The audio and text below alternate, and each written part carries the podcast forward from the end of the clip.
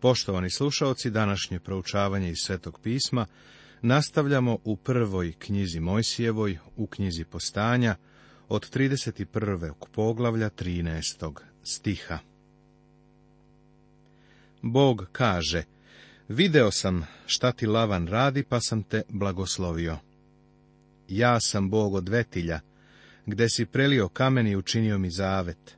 Ustani sada i idi iz ove zemlje, i vrati se na postojbinu svoju. Ja sam Bog od Vetilja. Bog se vraća u vreme kada se javio ovom mladiću dok je bežao. Javio mu se te prve noći koju je proveo izvan kuće u vetilju. Ustani sada i idi iz ove zemlje i vrati se na postojbinu svoju. Bog želi da Jakov napusti Haran, jer sada ima jedanaest sinova koji rastu i koji već počinju da uče neke stvari koje ne bi trebalo. Bog želi da Jakovi dečaci odu sa ovog mesta idolopoklonstva, baš kao što je i Avrama odvojio od idolopokloničke kuće. Tada odgovori Rahilja i Lija i rekoše mu, e da li još imamo kakav deo i nasledstvo u domu oca svojega. Nije li nas držao kao tuđinke kada nas je prodao, pa je još i naše novce jednako jeo? One govore da sigurno, kao kćeri svoga oca, treba da dobiju neko nasledstvo i da to treba da spreči Lavana da bude tako neprijateljski raspoložen. Ali, prijatelju, Lavanu se ne može verovati. Nažalost, Mnogo je hrišćana danas koji kroz način na koji upravljaju svojim i tuđim novcem pokazuju da se ni njima ne može verovati. Ovo je, po mom mišljenju, pravi test jedne osobe. Mogao bih da ti pričam priče od kojih bi ti se digla kosa na glavi. Hrišćani i hrišćanske vođe sa novcem rade one stvari koje se ne bi smjele raditi. Jer sve ovo blago što uze gospod ocu našemu, naše je i naše dece. Zato čini sve što ti je gospod kazao. Divim se ovim ženama. One govore Jakovu da uradi što god želi. One su uz njega i očigledno smatraju da ih je otac pokrao. Jakov beži iz Harana. I podiže se Jakov i metnu decu svoju i žene svoje na kamile i odvede svu stoku svoju i sve blago što beše stekao, stoku koju beše stekao u padan Aramu i k Isaku ocu svojemu u zemlju Hanansku. A Lavan beše otišao da striže ovce svoje i Rahilja ukrade i dole ocu svojemu.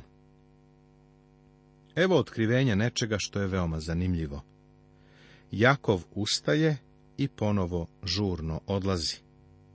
Sećaš se da je to isti put kojim je išao kada je napustio dom, bežeći od brata.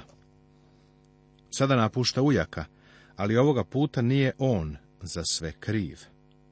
Očigledno je da je na ovo spreman. Njegova stoka i sluge spremni su za put i Rahilja ukrade idole ocu svojemu. Rekao sam već da su bili u idolopokloničkoj kući. Bog nije želeo da Jakovljevi sinovi budu tu odgajani. Ali vidiš, Rahilja je odrasla u domu koji je imao idole, pa je htela da svoje bogove ponese sa sobom.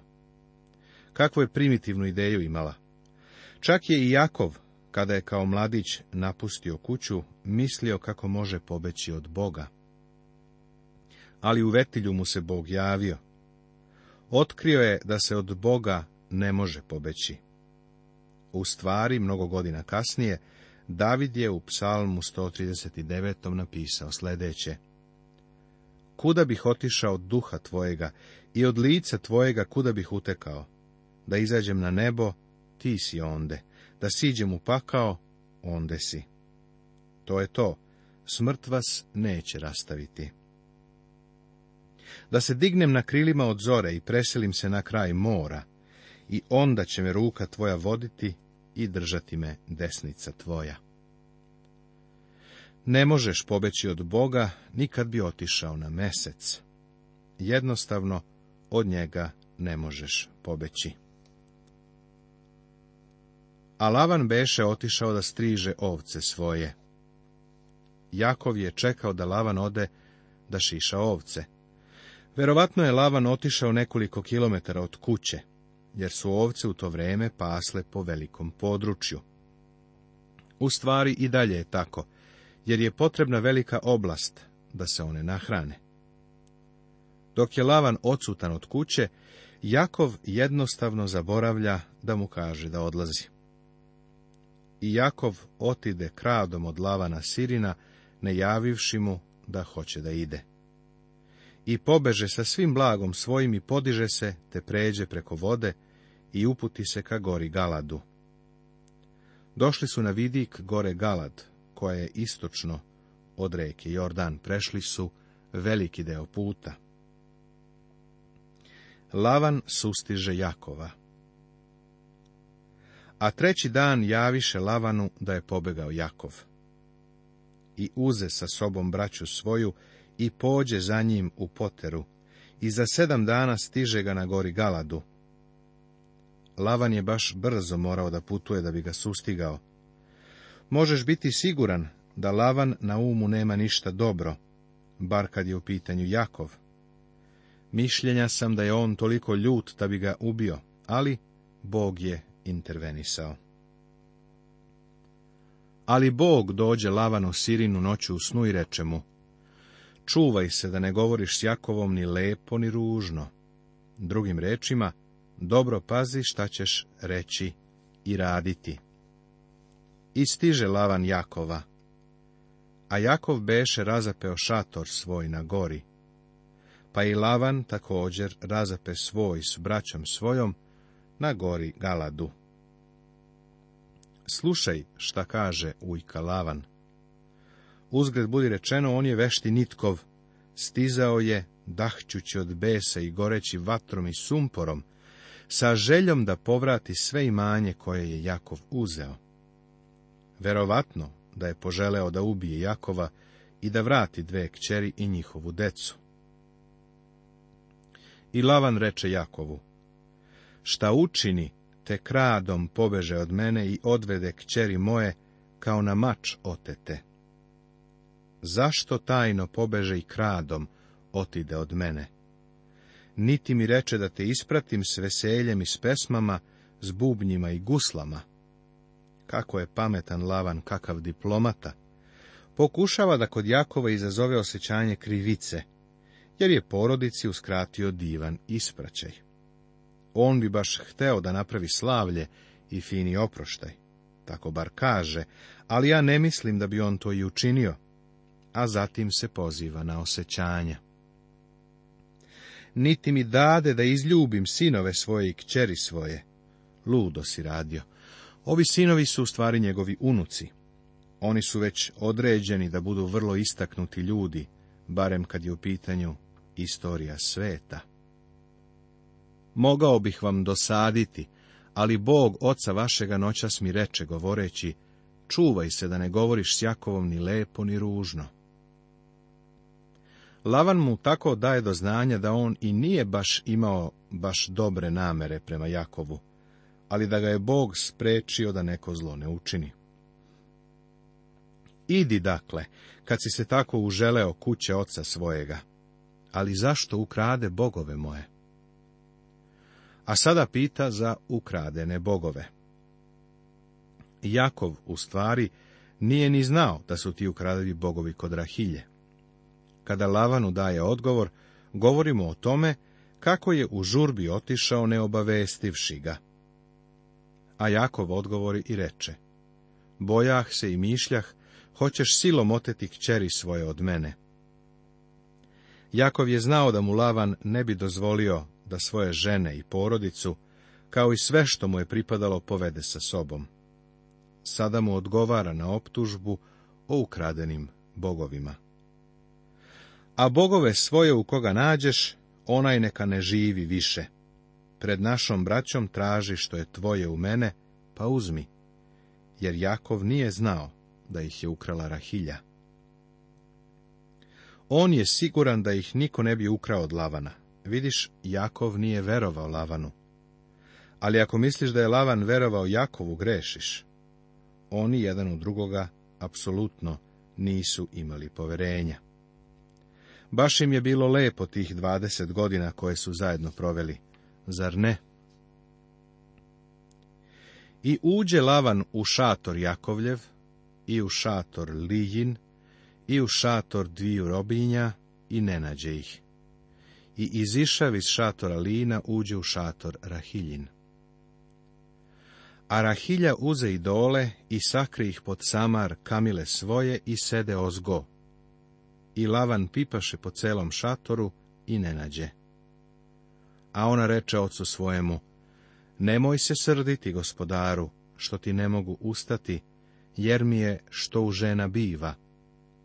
Traživ dakle ne nađe idola svojih on je stvarno očekivao da su kod jedne od njegovih kćeri. A Rahilja je baš bistra devojka, zar ne? Pa očeva kćer. Ona ih je uzela i stavila u samar od Kamile, odnosno u kutiju koja se stavlja Kamili na leđa. Zatim je sela na njih i izvinila se ocu. Rekla je da ne može da ustane jer se toga dana nije osjećala dobro, a sve vreme u stvari sedi na njima. Kakvu pravu sliku stičemo o ovoj porodici? Činjenica da je Rahilja od svog oca uzela idola je verovatno ozbiljnija nego što smo mogli zamisliti. Posjedovanje ovih kućnih bogova podrazumevalo je voćstvo porodice, što je značilo da će Jakov naslediti sve što je Lavan imao. Zato je Lavan tako uznemiren. On sigurno nije želeo da Jakov dobije celo njegovo imanje. Smatrao je da je Jakov već dovoljno dobio. Jakovu sada raste samopouzdanje. Oni ne mogu da nađu bogove i Jakov je siguran da oni nisu nigde u blizini. Želi da ukori svog tasta koji je krenuo u poteru za njim. I Jakov se rasrdi i stade koriti lavana i govoreći reče mu, šta sam učinio, šta sam skrivio, te si me tako žestoko terao. Sada Jakov izriče svoje žalbe. On je položio kurs u školi teških udaraca i sada dobija diplomu. Evo dvadeset godina bijah kod tebe. Ovce tvoje i koze tvoje ne jaloviše se, a ovnova iz stada tvojega ne jedoh. Čak ni hranu nije dobijao. I za nju je morao da plati. Što bi zverje zaklalo, nisam ti donosio, sam sam podmirivao. Od mene si iskao što bi mi bilo ukradeno danju ili noću čak ni neko osiguranje nije imao. Kada bi jagnje bilo ukradeno ili bi ga divlja životinja rastrgla, Jakov je morao da plati. Veruj mi, Lavan je bio naporan i neprijatan poslodavac. Danju me ubijaše vrućina, a noću mraz, i san mi ne padaše na oči. Leti nije imao godišnji odmor. Kada bi zahladnelo, on je i dalje morao da ostaje sa ovcama i stokom. Mnoge noći je probdeo da bi štitio stada. Tako mi je bilo dvadeset godina u tvojoj kući. Služio sam ti četrnaest godina za dve kćeri, tvoje i šest godina za stoku tvoju i platu si mi menjao deset puta. Ovo se desilo Jakovu. Evo pametnog čoveka koji je mislio da može da se provuče sa grehom ali mu Bog to nije dozvolio, jer je Bog vrlo jasno pokazao da što god čovjek seje, to će i požnjeti. Jakov je odbio da se pokori Bogu kod kuće, zato je morao da se pokori svome ujaku. Jakov je došao da uz počasti uzme ženu, ali je učinjen slugom, jer Bog poštuje prava prvorođenog. Jakov je prevario svoga oca, pa je njega prevario njegov tast. Jakov, mlađi sin, postao je stariji. A onda je otkrio da mu je data starija, onda kada je mislio da dobija mlađu. Kroz način na koji je dobio prvorodstvo, pokazao je svoj koristoljubivi karakter, dopuštajući majici da njegove ruke obloži kožom jareta. Kasnije ćemo vidjeti da će njega njegovi sinovi prevariti na vrlo sličan način. Ubili su mladunče, a onda su u njegovu krv zamočili Josifovu šarenu haljinu. Prevario je svoga oca jer se predstavio kao njegov miljenik, a njega će prevariti u vezi sa njegovim sinom ljubimcem, Josifom. Šta god čovek da poseje, to će i požnjeti. Da nije Bog oca mojega, Bog Avramovi, strah Isakov bio sa mnom, bi me zacelo otpustio prazna. Ali je Bog video nevolju moju i trud ruku mojih, pa te ukori noćas. Ovo je bio Jakovljev dan optužbi i pritužbi. Izneo je sve uvrede koje je podneo. Sada napušta lavana. Jedan drugom su poželeli srećen put i napravili sporazum. Jakovi Lavan sklapaju mispa zavet. A Lavan odgovori Jakovu i reče, Ove su kćeri moje kćeri, i ovi su sinovi moji sinovi, i ova stoka moja stoka, i što god vidiš, sve je moje. Pa šta bih učinio danas kćerima svojim ili sinovima njihovim, koje rodiše? Nego hajde da uhvatimo veru, ja i ti, da bude svedočanstvo između mene i tebe. Jakov postavlja kamen za spomen. Sakupljena je gomila kamenja i ugovor je sklopljen. I reče Lavan, ova gomila neka bude svedok između mene i tebe danas, zato se prozva Galed. A prozva se i Mispa, jer reče Lavan, neka gospod gleda između mene i tebe, kad ne uzmožnemo vidjeti jedan drugoga. Reči ovog sporazuma se kao blagoslov koriste u omladinskim i drugim grupama. Ja ne mislim da bi trebalo da se koriste za to, jer je to ipak bio sporazum između dva lupeža, koja prestaju da kradu jedan od drugoga i od tuđeg grada. Neka gospod gleda između mene i tebe u stvari znači, neka te gospod ima na oku, da više od mene ne bi krao. Upravo to ova dvojica ljudi govore.